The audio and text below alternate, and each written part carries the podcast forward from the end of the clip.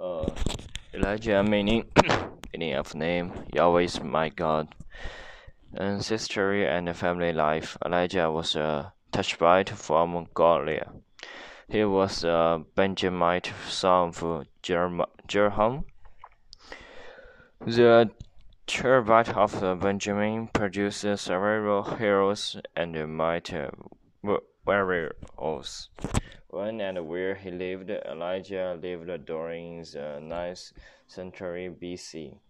The northern kingdom of Assyria had already split out from the Judah for a long time. For a long time, it had become opposite. The people primarily worshipped Baal, Baal, primarily because of the influence of the Je Jezebel.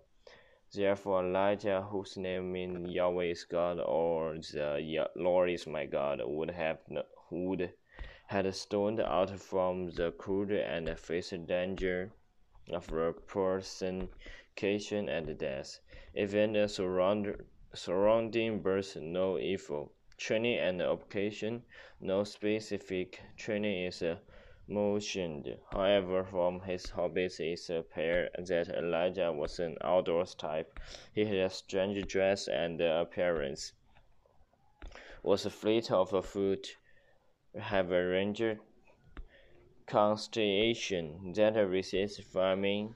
First Kings 98 and uh, dwelt in caves. This studied him from his roles as a full-time prophet and servant of the Lord.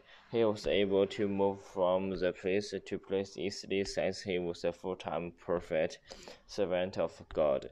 God used other means to take care of his needs.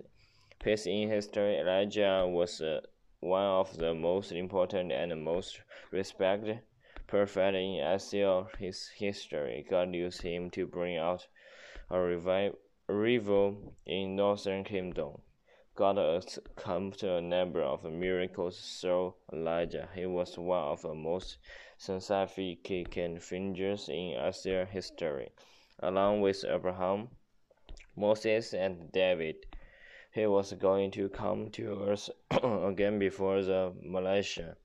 John the Baptist, and he appeared along with Moses at the Transfiguration special traits. He was a hairy man and a rigid outer type.